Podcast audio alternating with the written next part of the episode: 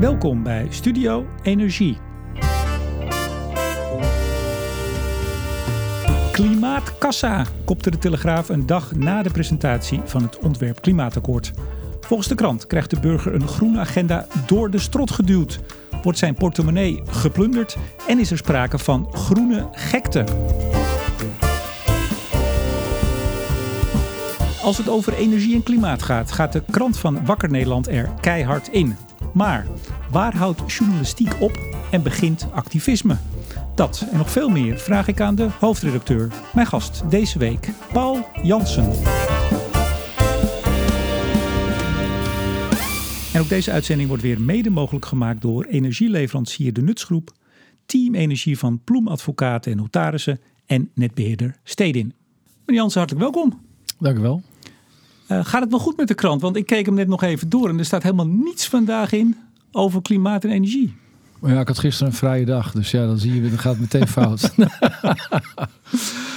ik uh, interview wekelijks hoofdrolspelers uh, in het energie- en klimaatdebat. Ja. Ik vind de Telegraaf zo'n hoofdrolspeler. Vindt u dat ook?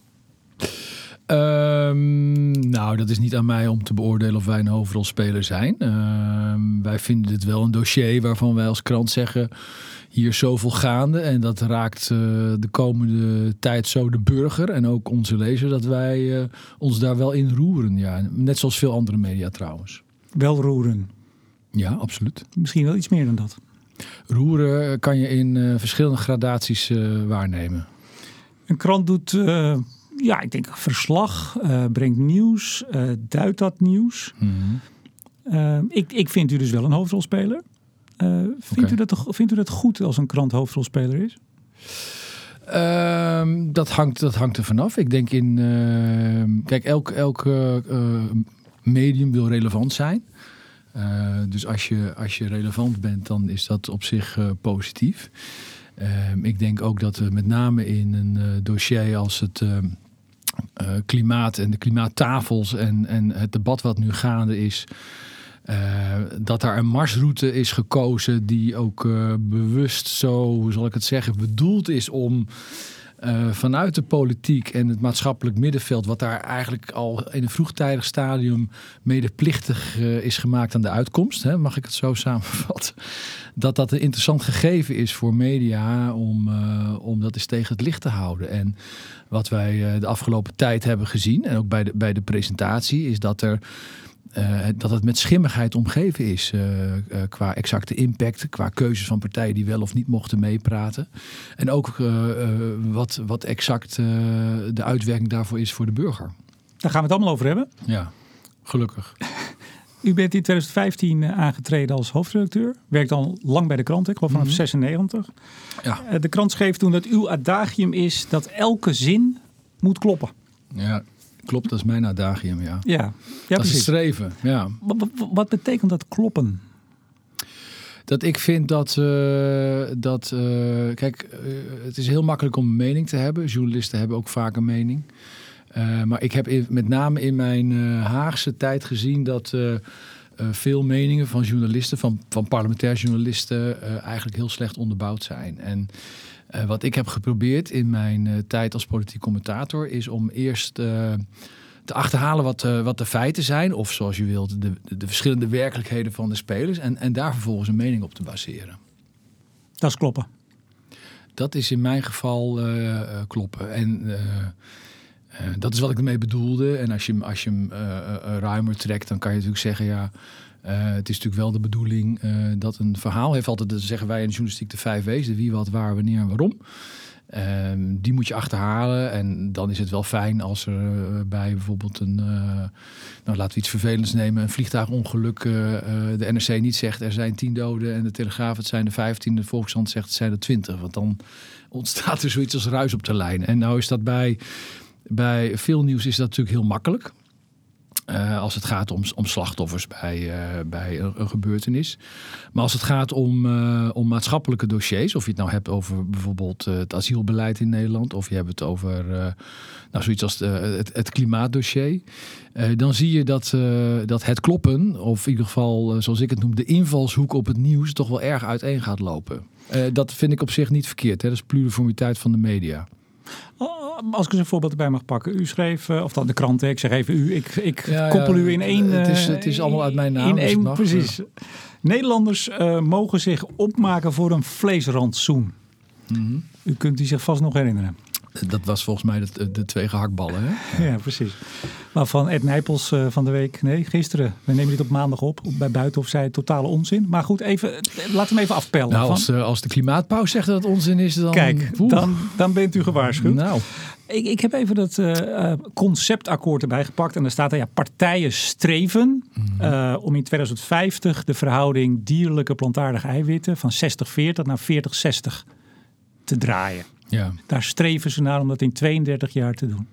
Mhm. Als u als krant dan brengt uh, vlees, uh, rantsoen en dat ging nog een, uh, dagen door hè, met, met reacties in de krant en je mag nog maar twee keer een gehaktbal. Nou, dat viel wel mee dat het dagen doorging. Nou, maar, maar vindt u dat dan kloppen? Is dat dan kloppen? Ja, want de verslaggever in kwestie heeft, heeft deze vraag die uit het akkoord kwam zoals u schetst, voorgelegd aan het bureau dat advies geeft over hoe wij geacht worden zo gezond het voedingscentrum? Ik geloof het wel.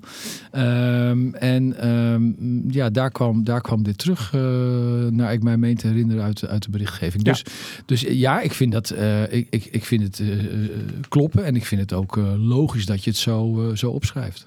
Nou had u ook ehm, onlangs in de krant 24 wetenschappers. U begon een klein beetje te glimlachen, dacht ik, of niet? Ja, maar is dat verboden? Moet, Als ik geacht word de hele uitzending boos te kijken, dan hoor ik Oh nee, nee, zeker niet. Ik hoop dat we hier een heel fijn gesprek van kunnen maken. Ja. Uh, nou ja, kijk, u gaat er zelf hard in als krant. Uh, denk ik dat we toch kunnen stellen. U geeft ook ruimte aan anderen. En er waren 24, uh, eh, volgens mij allemaal heren, die een manifest hadden geschreven. Dat je daarop let of het heren zijn. Nou goed, ga door. Ja. Ja, is, dat, is dat hier ook al relevant? Uh, nou nee, maar goed, ik probeer dan toch even goed te kijken wat de feiten zijn. Hè? Wat er nou allemaal van klopt. Uh, en die stellen dat, uh, of stelden moet ik zeggen, dat, het, dat de klimaatwet mm leidt regelrecht naar een ramp. Ehm, doelstelling onhaalbaar, handhaving veroorzaakt een catastrofe van armoede, kou en honger. Economisch wordt Nederland een derde wereldland. Um, toch weer even over dat kloppen. Uh, u geeft dan ruimte aan zo'n manifest, groot in de krant. Zeker. Uh, nou, burgers, lezers krijgen daar een bepaald beeld van. Vindt u dat dan ook nog steeds voldoet het aan uw adagium dat het moet kloppen in de krant? Absoluut. En ik denk dat hier wel van belang is dat je, dat je het uh, ook neerzet als een pamflet van deze groep uh, wetenschappers. Ehm, kijk, het probleem in, in de klimaatdiscussie is, is dat er Um, een aantal zaken, denk ik. Uh, allereerst uh, laten we vaststellen dat wetenschap en politiek hier uh, volstrekt door elkaar zijn gaan lopen. dat is één. Het tweede is dat ehm, uh, dat er het, twee hoofdstromingen zijn. Even los van hoe groot de ene stroom dan met twee hoofdstromen. Wat inmiddels de klimaatalarmisten is gaan heten en de klimaatseptici. Nou, als je die terminologie erop loslaat, dat zegt al genoeg over hoe gepolariseerd dit debat is. Uh, wat we ook zien is dat, of het, dat de klimaatalarmisten ehm, eigenlijk de overhand hebben in de discussie. Uh, zo, zo wilt het gelijk aan hun zijde, althans dat claimen. Uh, dat de politiek ook uh, in, in, in die stroming is meegegaan. En wat wij met, met zo'n berichtgeving over dat pamflet willen laten zien, is dat er ook nog een groep mensen is, een groep experts, die iets anders zeggen. En, maar geen experts op het gebied waar ze het over hebben. Dat is even de crux, denk ik. Nou, ik, uh, ik denk dat ze wel degelijk experts zijn uh, op het gebied waar ze het over hebben. Het is maar hoe eng je het. Kijk, wat je dan. Dat, dat vind ik, ik. Ik heb dat in Den Haag ook zo, zo vaak gezien. Als je een onwelgevallige mening verkondigt, het eerste wat mensen doen, is dus niet op de inhoud van die mening ingaan, maar proberen de partij die die mening verkondigt om die uh, te disqualificeren. En dat, dat valt mij dan op. Dat zie je hier ook. Dan krijg je een hele discussie of iemand die uh, fysische geografie geloof ik heeft gestudeerd. En, uh, of een chemicus en weet ik veel allemaal wat de hooggeleerde heren. Misschien zat er wel een dame bij. Ik ga het nog even checken. Nou, ik vind het helemaal niet relevant. Wat ik relevant vind is of mensen verstand van een vak hebben. En, en niet of ze naar de dames heren toilet of naar genderneutrale toilet gaan die we tegenwoordig hebben. Um, maar in ieder geval het, het valt me op dat, dat uh, er weinig reactie is gekomen op de inhoud van de mening. Hè. Zoals u zegt, uh, de, de, de opinie zoals die was neergezet, die was nogal stevig. Laten we dat, laten we dat vaststellen. Er werd toch... Uh, teksten uh, gebezigd die ik uh, ken van de Club van Rome uit de jaren zeventig. dus ook aan de andere kant van het spectrum kom je dit kennelijk tegen. en en ja, ik, ik zie dan weinig inhoudelijke reactie terugkomen. Alleen op, de, vrij vertaald is de reactie, deze mensen zijn geen klimaatwetenschapper in enge zin en moeten dus hun mond houden. Maar, ja, dat, vind ik, dat vind ik geen argument. Maar dan toch even aan de kant van de klimaatalarmisten, zoals u ze ja. dan noemt. Hè? We hebben professor Rotmans, die heeft iets van vijf vijf acties geleid afgelopen jaren vergelijkbaar. En dan toch even de andere kant van het spectrum. En dan was het nieuws vaak, ik geloof niet eens bij u, maar bij alle andere kranten, bij Trouw met name, die dat mhm. heel erg uh, een kontje gaf. 70 hoogleraren, soms waren het er 50 en uh, ik weet al niet. Um, nou, die, die pleiten dan tegen schaliegas, tegen kernenergie, tegen steenkool. Maar daar zaten allerlei mensen bij die echt helemaal niets vanuit hun vak daarmee van doen hebben, mhm. hadden of hebben. Mhm. Dat is toch wel relevant op het moment dat ook de NOS, maar u ook nu met deze 24 heren zegt, ja dit zijn deskundigen, dan geef je de indruk aan je lezer of je kijker dat die mensen verstand hebben van hetgeen waar ze het over hebben. En vaak is het een privé mening verkondigd. Nee, dat ben ik niet met u eens. Want het waren wel allemaal, allemaal mensen die uh, actief zijn of waren in het wel degelijk in het vakgebied wat zich ook met klimaat bezighoudt. Uh, kijk, uh, u, u zou gelijk hebben gehad als het uh, mensen zijn die politicologie hebben gestudeerd of historicus zijn, maar daar is geen sprake van. Het zijn allemaal mensen die in de, in de wetenschappen zitten, die uh, uh, in de hoek van de wetenschap, of sorry, in de hoek van uh, de klimaatwetenschap zitten. Maar kunnen zij nou zeggen en, dat we een derde wereldland worden? Want het ging dus over die hele grote woorden die er dan uit voortvloeien. Uit nou, maar daar ging de discussie dus niet over. Kijk, en, en waar, de vraag is eigenlijk minstens zo interessant, waarom publiceren wij dat? Want wij hebben er natuurlijk ook wel discussie over gehad. wij hebben natuurlijk ook gekeken naar welke mensen zijn dit. En uh, uit welke hoek komen ze? Hè? Dus uit welke wetenschap? Ik ben het niet met u eens dat, dat zij uh, niet SEC klima klimaatwetenschap hebben, hebben gestudeerd en dus uh, hier geen uh, deskundige nee, mening maar dat zei ik ook niet. Hè? Dat nee, daar heeft u gelijk. En ik, ik vertaal het even wat u, wat u poneerde. ik denk dat deze mensen zich wel degelijk expert mogen noemen. En de reden waarom wij gemeend hebben, want wij, dit was een fors verhaal, waarom wij hiermee hebben uitgepakt, is omdat we natuurlijk de afgelopen jaren, en zeker ten tijde van de klimaat klimaattafels. Toen er selectief werd gelekt vanuit die tafels naar de media.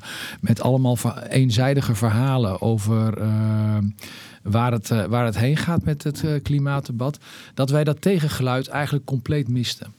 En dat mis ik nog steeds. En dus vonden en vinden wij het van belang dat we ook andere geluiden laten horen in, in, in dit debat.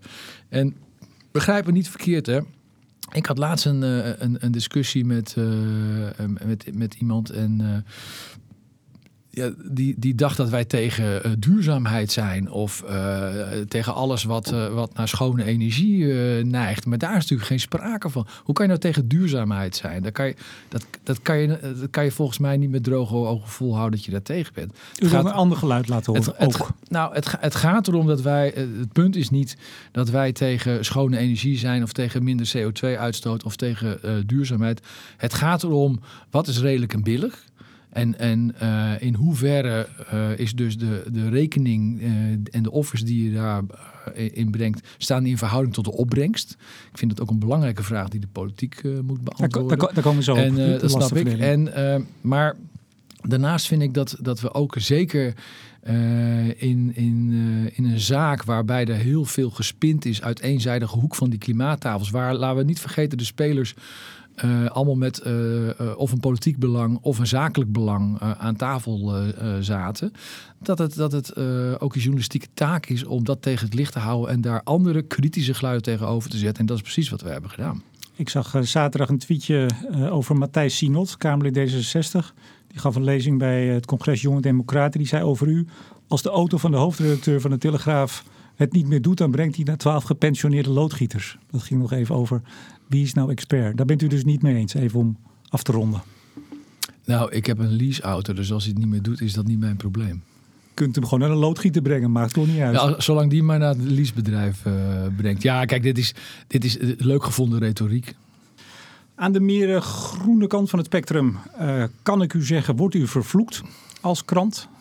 Zien ze u echt als, nou, als het kwaad, hoor ik wel eens bijna. Vindt u dat een, een geuze aanduiding?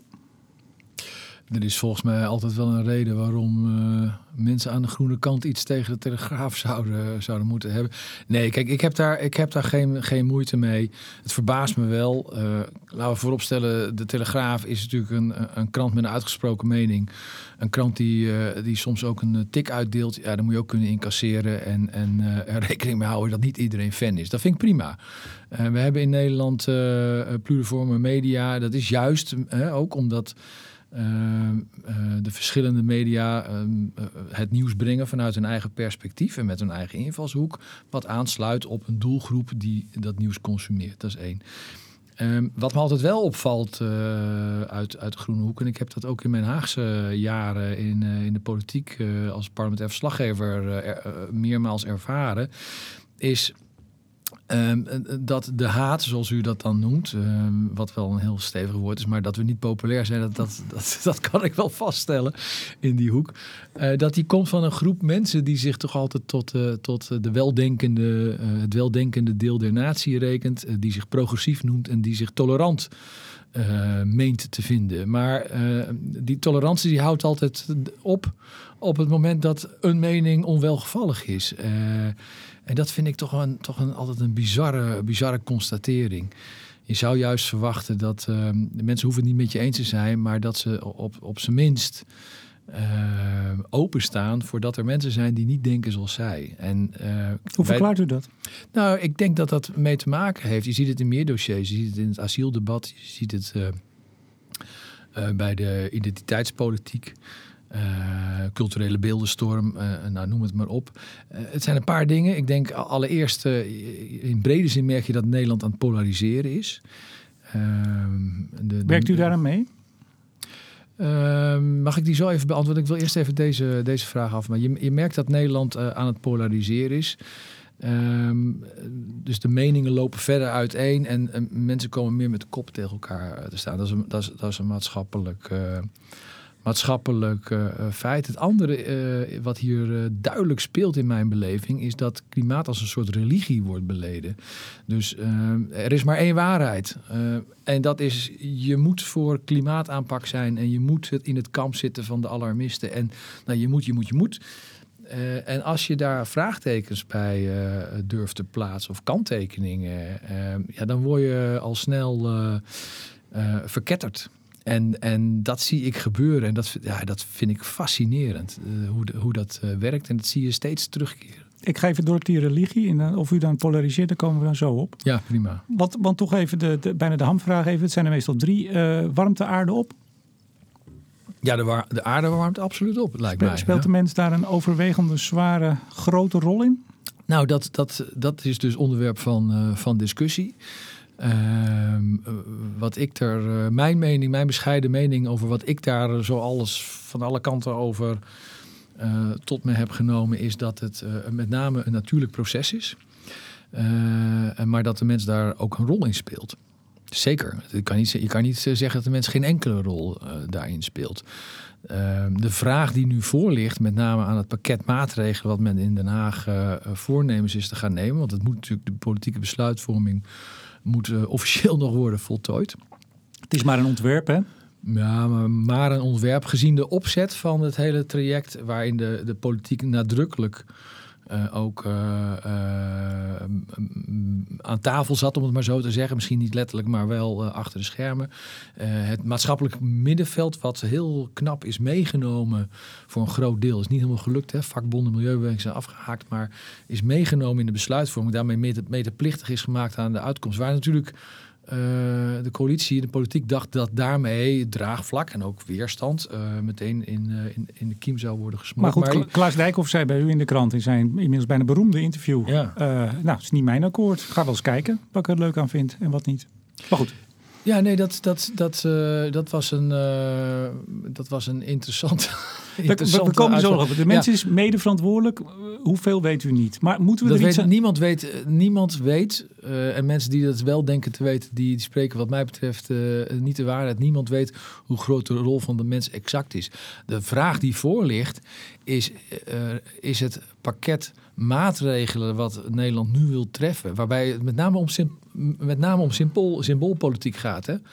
Uh, ja, dat, zegt, dat, zegt u, dat zeggen de mensen die ermee bezig zijn natuurlijk niet. Nou, dat is een feit. Als, als de, want uh, we gaan uh, vele miljarden investeren om uiteindelijk, het Nederland is het Nederlandse aandeel in de opwarming van de aarde 0,4. 0, nou, minder nog, dacht nee, ik. 0,0000. Nee, dat zijn het aantal graden wat het pakket in 2100 Precies. aan verlaging. Maar, maar even één vraagje nee, toch kijk, tussen, dat, dat, de, de, de, impact van ja? de Nederlandse maatregelen, als je, die zou, als je die zou nemen in, in, uh, in volledigheid en de impact daarop op de opwarming van aarde is zo klein dat je gewoon kan spreken van symboolpolitiek. Maar moeten, moeten we wel iets doen überhaupt? Dat is nog even de vraag. Ik denk, ik denk wel, waarom zou je niets doen? Oh nee, dat vraag ik aan u. Ja, ik zou, ik zou. Kijk, wat mij heel verstandig lijkt, is als je. Dus we moeten wel wat doen. Ja, zoals ik al aan het begin zei, uh, je, kan, je kan niet tegen uh, duurzaamheid zijn. En als je uh, energie st structureel kan opwekken op een manier dat je geen kolencentrale nodig hebt, of in Duitsland bruinkool, waarom zou je dat dan niet doen? Dat is de vraag niet. De, de vraag die voor ligt is, moet het in de tempo wat nu gebeurt, omdat er Urgenda naar de rechter is gestapt en er een uitspraak ligt, waarvan ik denk, ja, uh, waarom is een rechtelijke uitspraak in het klimaatdebat heilig, terwijl een rechtelijke uitspraak in het asieldebat uh, rond het kinderpardon, er liggen allemaal rechtelijke uitspraken voor al die kinderen die zijn afgewezen en niemand trekt zich de ene moer vanuit. Waarom is, het, is een rechtelijk vonnis in, in het ene dossier heilig en in het andere niet? Dat kan niemand mij uitleggen. Dat vind, dat vind, ik, vind ik frappant. Maar waar het hier om gaat, is het lijkt me heel verstandig om bijvoorbeeld als je nieuwe wijken gaat bouwen, om daar duurzame energievoorziening en, en, en voor mij part haal je die van het gas af. Uh, het, het punt is dat het nu in zo'n sneltreinvaart zou moeten, waarbij Nederland ook nog verder gaat dan wat uh, Europees uh, gemiddeld is afgesproken. Omdat wij om, om volstrekt onduidelijke redenen in één keer het, het, voorop willen, we willen een gidsland zijn mij volstrekt onduidelijk waarom. Maar goed, dat wil Nederland. Ja, dat vraagt een dergelijke inspanning uh, die niet in verhouding staat tot de opbrengst. En volgens mij is een van de zaken die je in de politiek, in het beleid ook zou moeten, moeten uh, maken, een van de keuzes. Je kan natuurlijk elke keuze maken uiteindelijk waar draagvlak voor is, maar een logische keuze zou, staan, uh, zou zijn dat je inspanningen verricht en geld uitgeeft in, in redelijkheid en billijkheid tot wat de opbrengst is. Ja. Maar dan zitten we inderdaad met het, die 49% reductie waar nu aan wordt gewerkt in dat concept mhm. klimaatakkoord in 2030. Heeft een effect van 0,0003 graden in 2100. Als je het zo bekijkt, zou je kunnen zeggen, ja, dat heeft sowieso geen impact. Laten we dan maar niks doen. Nou, dat, dat zou je inderdaad kunnen, kunnen zeggen. Uh, daarom vind ik het ook uh, verstandig dat Nederland uh, in ieder geval niet voor kiest om dit alleen te doen. Want ja, als je dit in je eentje zou doen en China die gaat gewoon door waar ze mee doorgaan en Amerika en nou, ik moet nog maar zien dat daar, dat, dat daar het roer omgaat trouwens. Dan heeft, het, dan, dan heeft het natuurlijk geen enkel zin. Ik snap ook nog wel dat je als je andere landen wil aanspreken op, uh, op hun vervuiling. En ik geloof dat wij in Europa de nummer 6 of nummer 7 zijn qua uitstoot van CO2. Uh, ehm, we zijn een stuk kleiner eh, dan Duitsland, geloof ik, 7, 8 keer zoveel uitstoot. Maar we zijn wel aanzienlijk groter in uitstoot dan bijvoorbeeld België. En per hoofd um, van de bevolking vooral. Ja, maar dat is, dat is weer zo'n flauwekul argument. Oh, is dat zo? Nou ja, kijk, waarom wordt dat uh, per hoofd van de bevolking erbij gehaald? Ja, we zijn per hoofd van de bevolking zijn we bovengemiddeld qua uitstoot. En daarmee wordt de suggestie gewekt alsof de gemiddelde Nederlander, u, ik, een stelletje viezerikken zijn die uh, de hele dag CO2 nou, nee, lopen uitstoten. Het, het, nee, wacht even, nee, mag even afmaken? Mag ik even afmaken? Het, het, punt, het punt is namelijk niet dat de gemiddelde inwoner zoveel meer vervuilend is. Het punt is dat wij een aantal industrieën in dit land hebben die verantwoordelijk Precies, zijn. Precies, het zegt iets over de uh, de mate van fossiliteit, zou ik bijna zeggen, van onze economie. Wij zijn een heel erg fossiele ja, economie. Juist, maar de, de link daarmee, om de link te maken met per hoofd van de bevolking is daarmee een valse. Want die, die hoofd van de bevolking of de gemiddelde inwoner in Nederland is helemaal niet vervuilender Nee, maar dan dat, dat, als, dat is als je hem interpreteert als het, het zijn die individuele bewoners die de schuld zijn. Het gaat even over Nee. het uitdrukken van de mate van fossiele energie die wij in Nederland... Ja, maar daarvoor heb je die uitdrukking per hoofd van de bevolking niet nodig. Je kan gewoon ook laten zien. Eh, er zijn allemaal staatjes van eh, hoeveel een land eh, uitstoot. Daar heb ik toch geen per hoofd van de bevolking. De, per hoofd van de bevolking is weer zo'n typisch voorbeeld. Zie je ook het terugkeer in de politiek wordt gebruikt om te laten zien. Zie je Nederland is veel vervuilend en wij moeten dus maatregelen nemen. Nogmaals, ik ben niet tegen maatregelen. Ik ben wel tegen maatregelen waarvan de kosten niet in verhouding staan tot de opbrengsten. Waarbij de kosten eenzijdig worden neergelegd bij burgers, terwijl bedrijven de grote vervuilers zijn. Eh dus geen enkele eh, staat niet in verhouding. En ik ben ook eh, als krant eh, tegen maatregelen eh, waarbij er eh, symboolpolitiek wordt bedreven. Nederland eh, het beste jongetje van de klas wil zijn, zonder dat wij op enige manier kunnen uitleggen dat dat effect sorteert. Ja. Precies, dat riep, u- dat, die vraag riep u net ook al op. Hè? Waarom zouden wij gidsland moeten zijn? Ja. Nou, het, het idee is, en dat zien we bijvoorbeeld bij het verlagen van de subsidie op wind op zee. Dat hebben we nu naar nul weten te krijgen, als Mhm. alles verder goed gaat. Dat een land zoals Nederland, wat rijk is, wat eh, ver ontwikkeld is, voorop kan gaan in de aanpak van het reduceren van onze uitstoot. Dat wij netto niet zo heel veel gewicht in de schaal leggen wereldwijd. Daar is iedereen het wel over eens. Maar het idee is dat wij eh, met innovatie, eh, met de manier waarop we samenwerken, waarop we niet polariseren en elkaar in de armen sluiten, ehm, eh, samen op weg gaan om het voorbeeld te geven. Voelt u daar iets voor? Nee, daar voel ik helemaal niets voor. Waarom niet? Om, eh, ik vind dat streven, dat, dat is idealistisch, dat is hartstikke leuk. Eh, maar waarom moet de burger dat betalen? Nee, maar daar komen we zo. Maar even nee, maar het dat, is- nee, maar principe. dat, is- nee, maar, dat, dat wind op zee, wat vindt u daarvan? Daar hebben we door een vrij slimme combinatie van overheidsbeleid en het prikkelen van de markt, is het gelukt om die prijs enorm naar beneden te krijgen naar nul subsidie. Ja, maar u, u, u kunt wel naar wind op zee gaan, maar het, het, en, en zeg het gaat om het om principe. Nee, het gaat niet om principe, het gaat om praktijk. Ik vraag wat u daarvan vindt, hoe, wordt- dat gelukt ja, is. maar ik, ik wil een ander punt maken. En dat is namelijk, wij hebben eh, één dossier. eh, zeker waar Nederland het braafste jongetje van de. Wij willen altijd graag het braafste jongetje zijn. Hè? Laten we dat voorop stellen. Don't ask me why. Op de een of andere manier heeft Nederland heeft ook altijd het idee dat wij gidsland, dat wij een rol van betekenis kunnen spelen in de wereld. Nou, totale flauwekul. Doen we toch ook wel een beetje? We zijn toch een groot land in de wereld? We zijn, ach, Nee? we zijn een klein land, we stellen echt heel weinig voor. Dat is hetzelfde idee dat we altijd denken dat Europa op onze politici zit te wachten. Dat dachten we met Ruud Lubbers toen hij een baan nodig had. Dat dachten we met Jan-Peter Balken en bij Wim Kok. En nu hoor je over eh, premier Rutte weer dezelfde verhalen. Ik schat Rutte relatief nog de beste kans hebben in van de vier.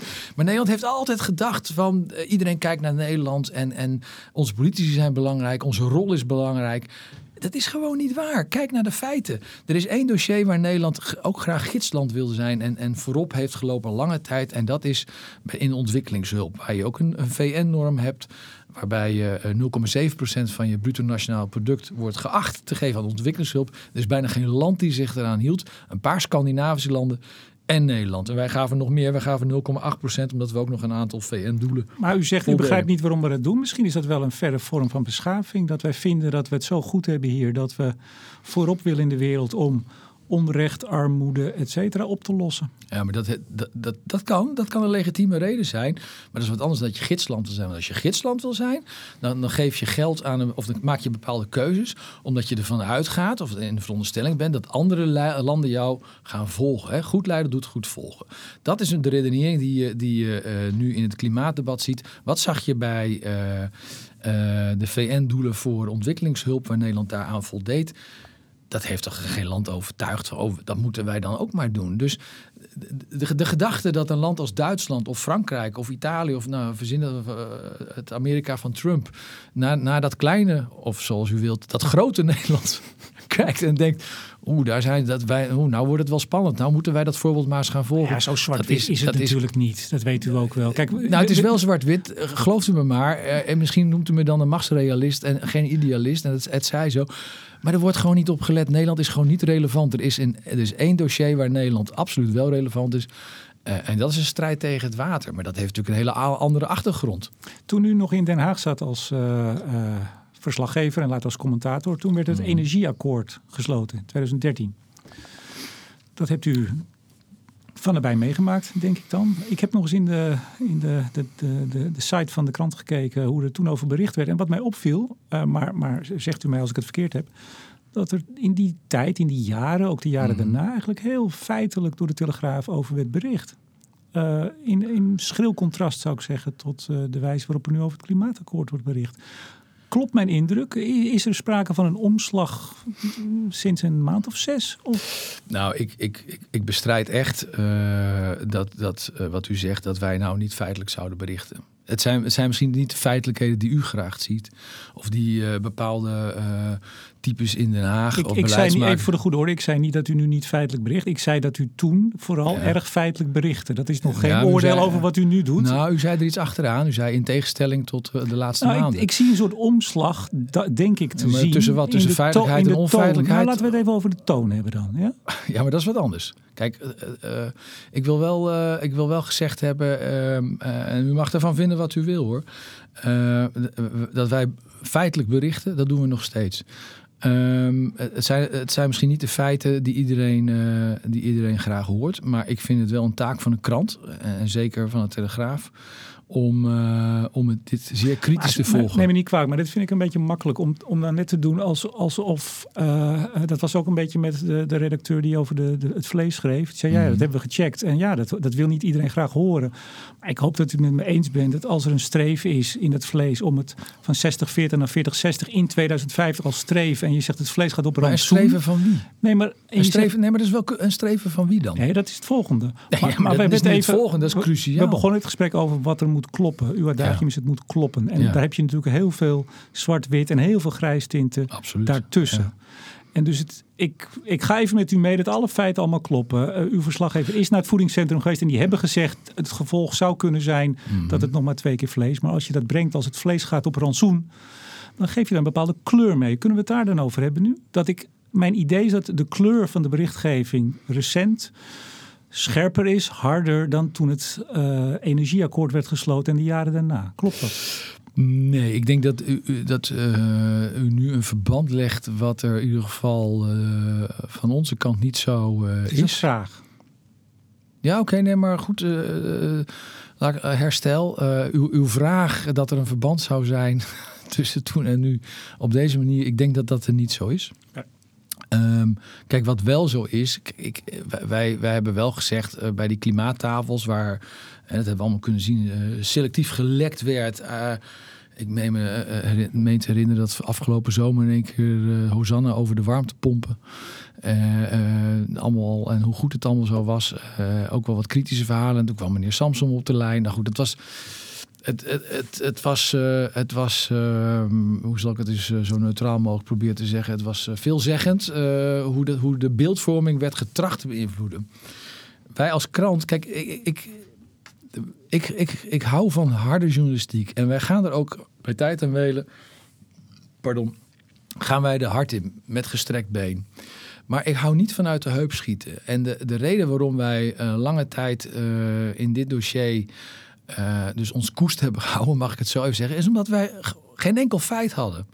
Want die feiten werden of selectief gelekt, of er werd, als wij vervolgens gingen bellen, werd gezegd: wacht met ons rapport er is. Maar klopt mijn beeld dan toch wel inderdaad van koest houden dat u nu luidruchtiger bent? Dat is eigenlijk nou, luidruchtiger. Wij kunnen nu pas er uh, het tegen het licht houden en er iets van vinden en ja. daar. Uh, uh, geluiden uh, en ook van andere partijen die erop reageren, kunnen wij nu pas voor het voetlicht brengen omdat we nu pas de informatie hebben. Maar, maar even dat energieakkoord. Waarbij, waarbij ik niet gezegd wil hebben, hè, dat, want dat zou flauw zijn. Uh, elke journalist leeft van lekken. Ik neem journalisten die gelekte informatie uh, brengen, uh, niks. Die, die, die, verwijt ik niks, want wij doen daar net zo hard aan mee. Alleen, ik denk soms wel, dat zeg ik op de redactie ook, ook altijd. Jongens, het is helemaal niet erg als je informatie in de krant zet die gelekt is. Maar je moet altijd wel van tevoren weten wie er lekt en waarom er gelekt wordt. Want als je, pas als je weet wat uh, het, het belang is van degene die lekt, kan je de afweging maken of je daar ja. wil meewerken. Bij het energieakkoord werd uh, een opslag duurzame energie geïntroduceerd, die alle burgers betalen. Nou, mm -hmm. ik mag toch zeggen dat u als krant opkomt voor het belang van de, de kleine burger en zijn portemonnee. Daar begonnen we dit gesprek ook mee. Ja, onder andere. Onder andere, zeker. Ongetwijfeld meer. Uh, dat begon met ongeveer 8 à 10 euro per jaar voor een gemiddeld huishouden, die opslag. We zitten nu zo tegen de 200 euro per jaar. Het gaat volgend jaar over de 200 heen. Daar, daar heb ik de krant eigenlijk nooit zo over gehoord. Terwijl dat toch een, een flinke, uh, nou ja, ik ga even maar misschien een beetje menutaal gebruiken, een flinke aanslag is op diezelfde portemonnee. Ja, weet je, uh, als u gaat graven, u kunt ongetwijfeld veel meer zaken vinden waar u ons wel of niet over hebt gehoord. Nou, ik, ben, ik, ben, niet met de stofkanden doorgegaan hoor. Ik heb even gekeken nee, op kijk, hoofdlijnen. Ja, nou, nou, dus dat, is, dat is prima hoor. En, maar, maar het punt is, uh, je, maakt, je maakt keuzes in, in het onderwerp. Uh, je maakt keuzes in, in hoe, je, hoe je onderwerpen aanvliegt. het belangrijkste is hier, en waarom wij er heel kritisch over zijn, nog steeds, is dat er nu in Haagse Ivoren Torens, zoals ik dat graag mag noemen, een akkoord in elkaar is gesleuteld waar de burger niets over is gevraagd. Uh, en de burger ook weinig over te zeggen krijgt. Uh, Zoals ook bij het energieakkoord in 2013? Ongetwijfeld, maar dat is minder vergaand dan, uh, dan dit. Ehm, terwijl de impact voor de burger zeer, zeer groot is.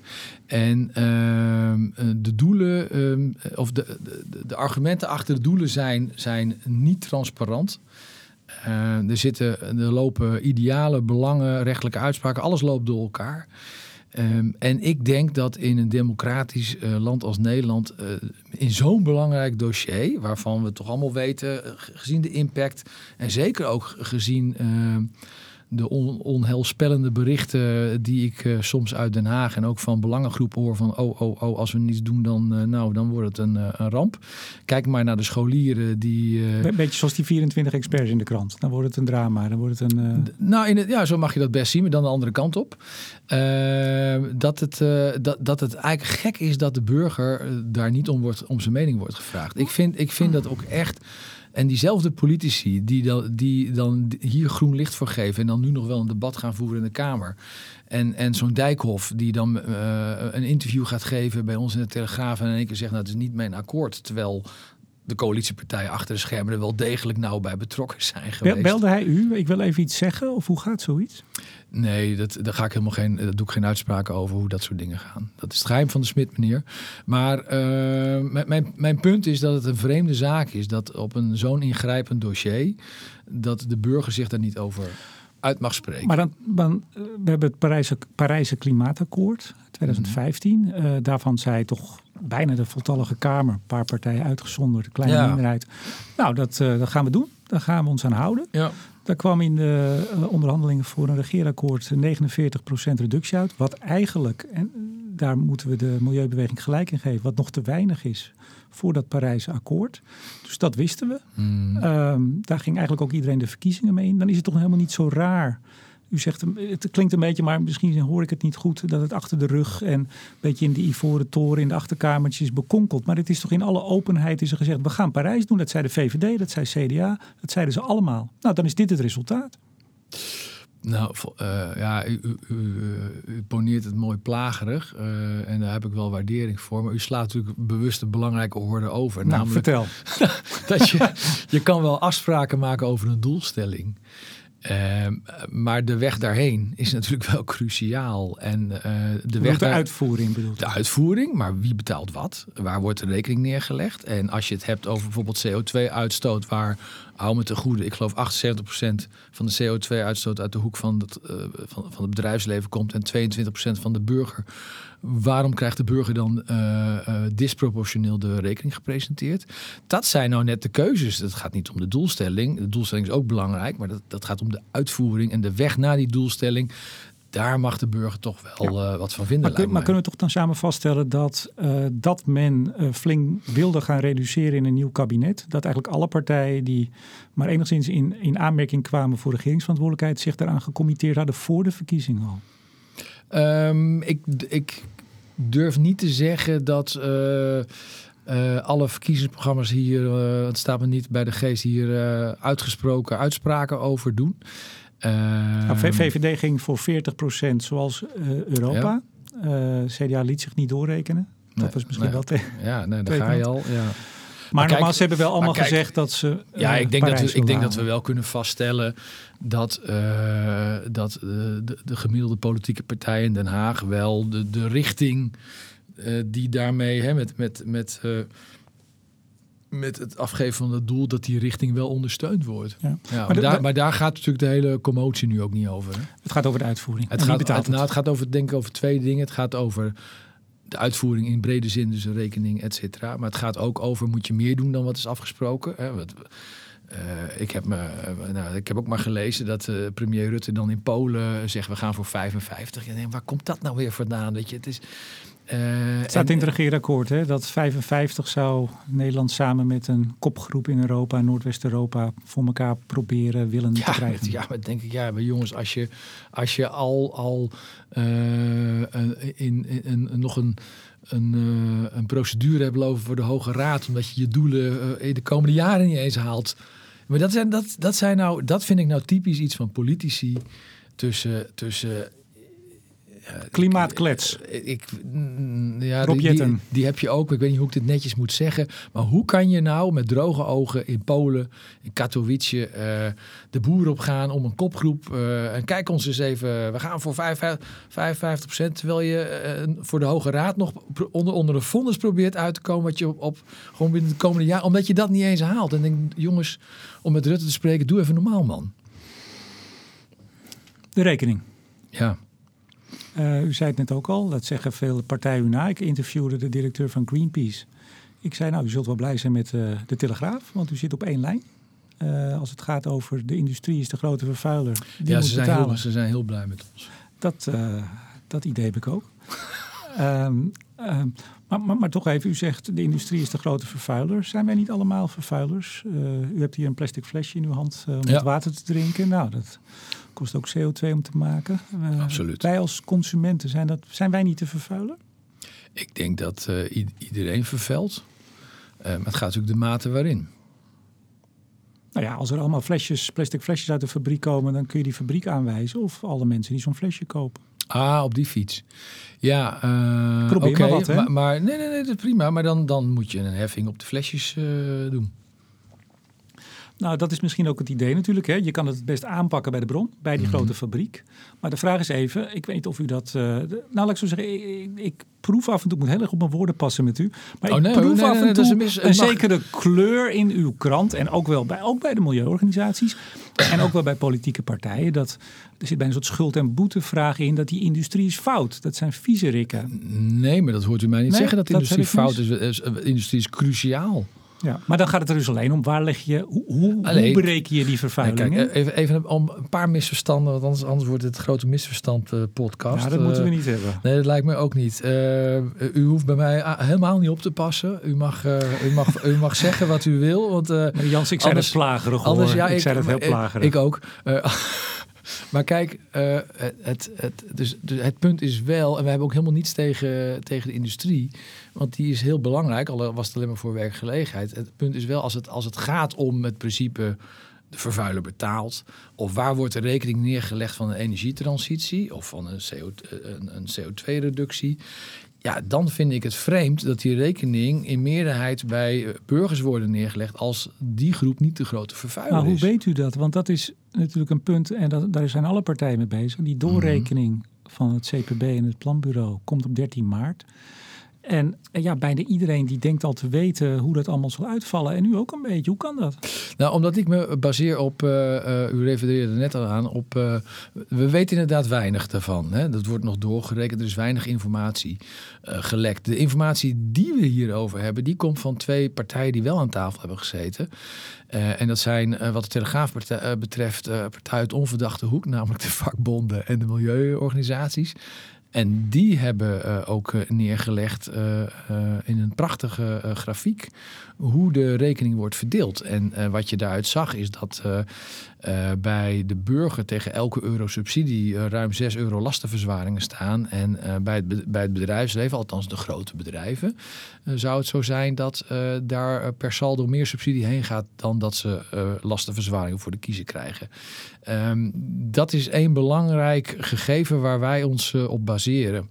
U heeft helemaal gelijk als, als u zegt, ehm, ja, dat is, dat is, dat is niet alomvattend uh, een totaalbeeld klopt. Want wij, wij hebben weinig informatie, omdat die informatie uh, tegen de borst wordt gehouden. Uh, maar waarom? En, er ligt een akkoord van een conceptakkoord van 227 pagina's. Zeker, maar u kent het akkoord ook. Dat is op veel, heel veel punten nog vaag. En wij kennen de achterliggende stukken niet. Maar ik neem toch aan, althans dat hoop ik althans, dat aan die verschillende tafels er geen beslissingen zijn genomen zonder dat ze goed zijn doorgerekend. Nou ja, u, Klaas Dijkhoff bij u in de krant. We gaan nog maar eens kijken. Dus ja, in die zin dat, hoeft u niet zo bang nee, te zijn. dan gaat u weer, dat is politiek. Dus dat is allemaal, u moet echt even de politiek van, van, van uh, de beleidstafels en de belangenclubs kan, die daar Kan dat hier? Kan dat gescheiden worden? Ik, dat wordt wel steeds lastiger in Nederland, uh, zie ik. Maar uh, er, en, en er heeft ook wel degelijk politiek natuurlijk een aanzienlijke rol gespeeld in de keuzes die zijn gemaakt. Maar daar hebben gewoon aan die tafels, daarom hebben ze het ook zo ingericht, uh, heeft men bewust een stap naar achteren gedaan. Het is wel door uh, een, uh, een uitgerangeerde VVD'er die zich nu die een soort. heeft hij ook een naam? Ja, ik, ik, wilde nog iets anders zeggen. Die, die een soort. gerecycled wordt als klimaatpaus. Dus laten we het daar maar op houden. De, de, heer Nijpels um, en, en natuurlijk meneer Samson zelf. Uh, en meneer Van die, die hebben daar zeker, hebben, maar dit zijn wel de, twee meest in het oog springende. Meneer Van Geel is doorgaans zo bescheiden dat je die iets minder prominent aantreft. Maar meneer, de heer Nijpels en de heer Samson, die weten de publiciteit wel te vinden als het, uh, als het nodig hebben. Maar goed, het is dus wel, met, met die zitten daar uh, niet vanwege hun, hun, haardracht of hun kennis, maar vanwege ook hun, politieke partijkaart die ze op, op zak hebben. Dus ook op die manier is het natuurlijk is het wel aangehecht bij de politiek, maar de politieke besluitvorming, dus morgen een debat, althans vandaag als het wordt uitgezonden, die, die vindt officieel pas nu plaats. Ja, en daar was natuurlijk ook weer een groot, groot drama om of Dijkhoff nou wel of niet kwam. Het is we hebben het over de scheiding politiek en, uh, en, wat er aan die tafels en beleid gebeurt. Maar dat is mhm. natuurlijk loopt volledig door elkaar heen. Ja, nou, dat, dat constateerde ik ook. Ja, inderdaad. Dat is, uh, en op zich, uh, dat, dat, dat zie je vaker. Hè, dat bij, bij, bij lastige dossiers dat. ja, waar, waar het op een gegeven moment ook een partij iets te heet onder de voeten wordt. Kijk, kijk bijvoorbeeld bij het kinderpardon hebben we natuurlijk zelf de manoeuvres gezien. Er zijn ook allerlei afspraken over gemaakt. Uh, dan blijkt uiteindelijk uh, uh, niets in beton gegoten welke coalitieafspraak je ook maakt. Minister Wiebes die stuurde een brief naar de Kamer toen het conceptakkoord 21 december werd gepubliceerd. En daar schreef hij: Burgers gaan niet opdraaien voor de industrietransitie. De reductie in de industrie. Staat er zwart op wit. Biedt u dat, stelt u dat gerust? Nou nee, want uh, dat burgers niet opdraaien voor de energietransitie, dat zegt nog niks over nee, van de industrie. Dus die industrietransitie. Ja, dat, dat, sorry, dat, maar dat doelde ik ook op. Maar goed dat u me corrigeert. Uh, dat zegt op zich, uh, dat zegt wel wat over wie de rekening van die transitie binnen de industrie betaalt. Maar dat zegt nog niets over wie de hele rekening betaalt en hoe dat verdeeld wordt. Nee, maar die industrie is toch het heikele punt. Nogmaals bij u in de krant, bij de milieuorganisaties, dat de burger opdraait voor die mijn woorden, grote viezerikken die zoveel uitstoten. Mhm. Terwijl het kabinet, althans minister Wiebes tot nu toe zegt... nee, maak je geen zorgen, de burger gaat dat niet betalen. Nee, maar de burger... Kijk, dan, dan heb je het... Het is, het is een beetje in uh, uh, boksen in de mist. Hè? Want we, we weten, ik heb te weinig info om, om uh, de uitspraak van de heer Wiebes echt goed te kunnen duiden.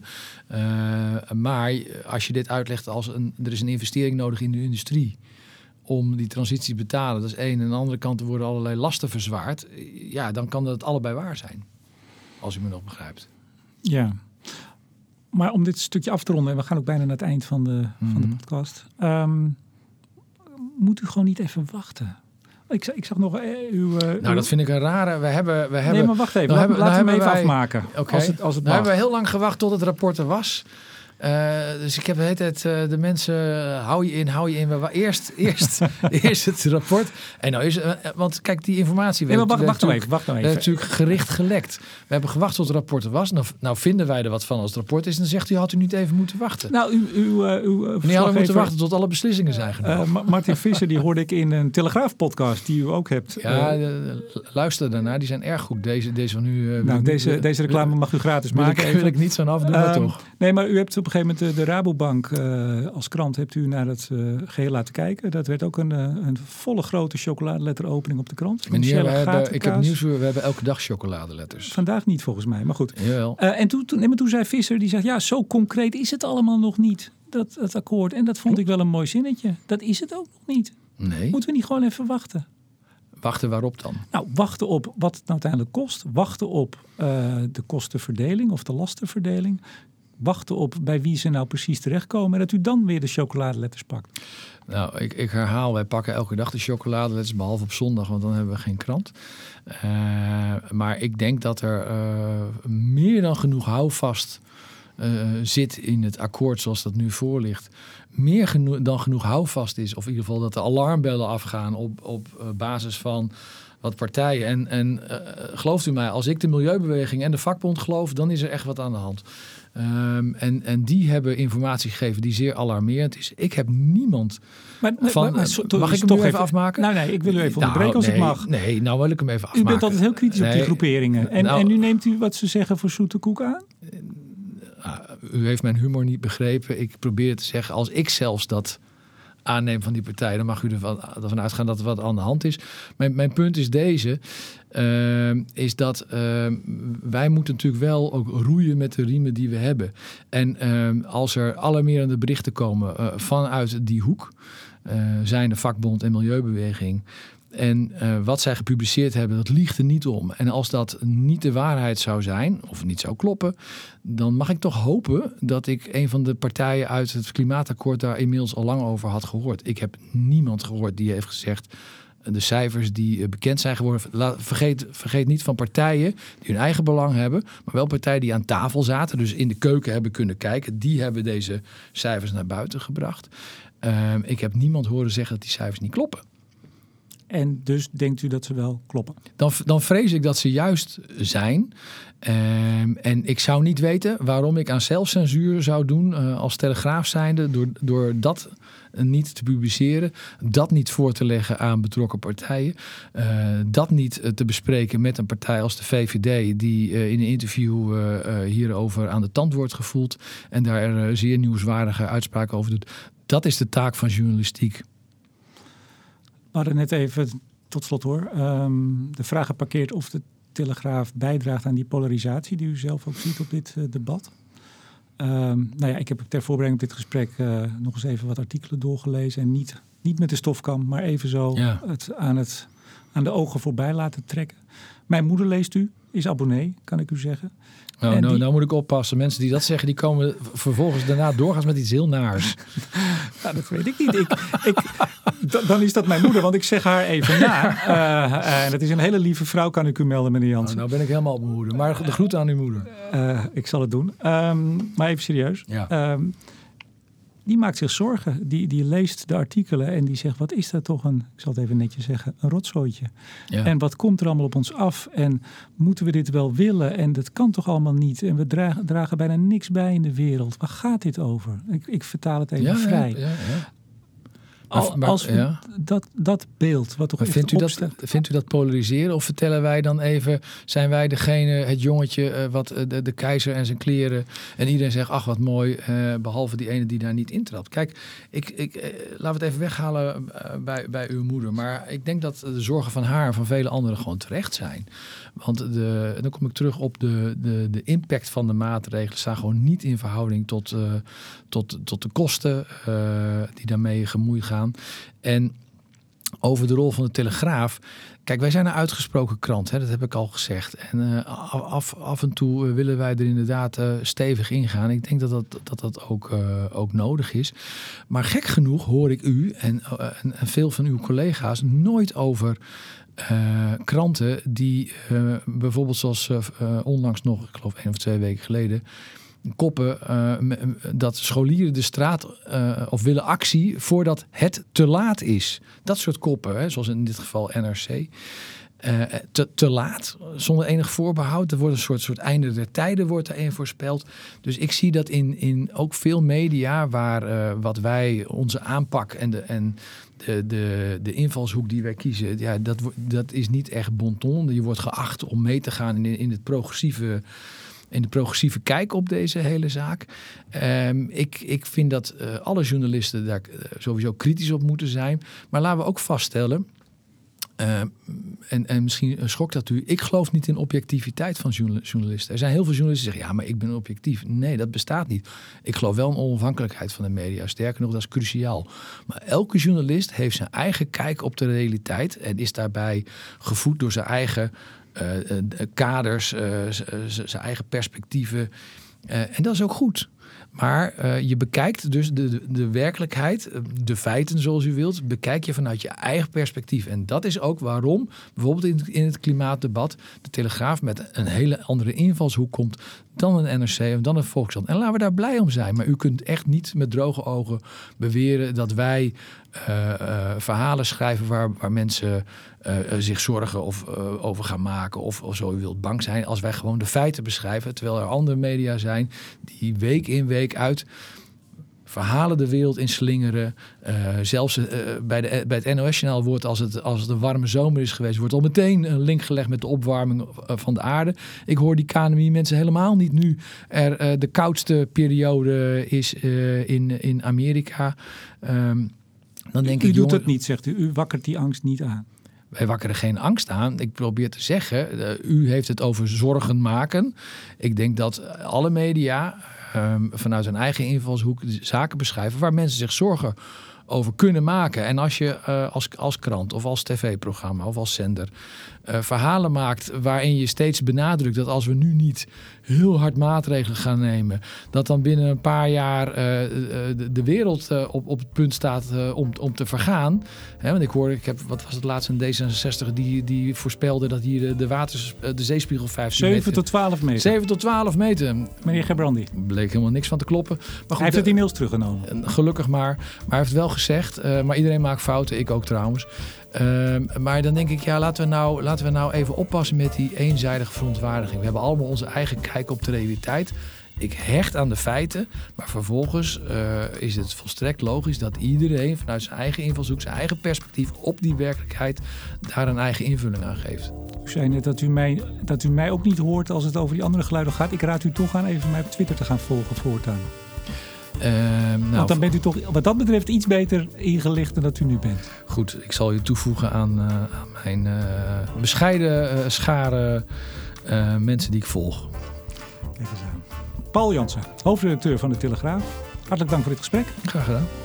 We danken ook deze week weer energieleverancier De Nutsgroep, Team Energie van Bloemadvocaten en Notarissen en netbeheerder Stedin voor het mede mogelijk maken van deze uitzending. En uiteraard bedank ik jou, beste luisteraar, voor het luisteren. Mijn naam is Remco de Boer. Graag tot volgende week.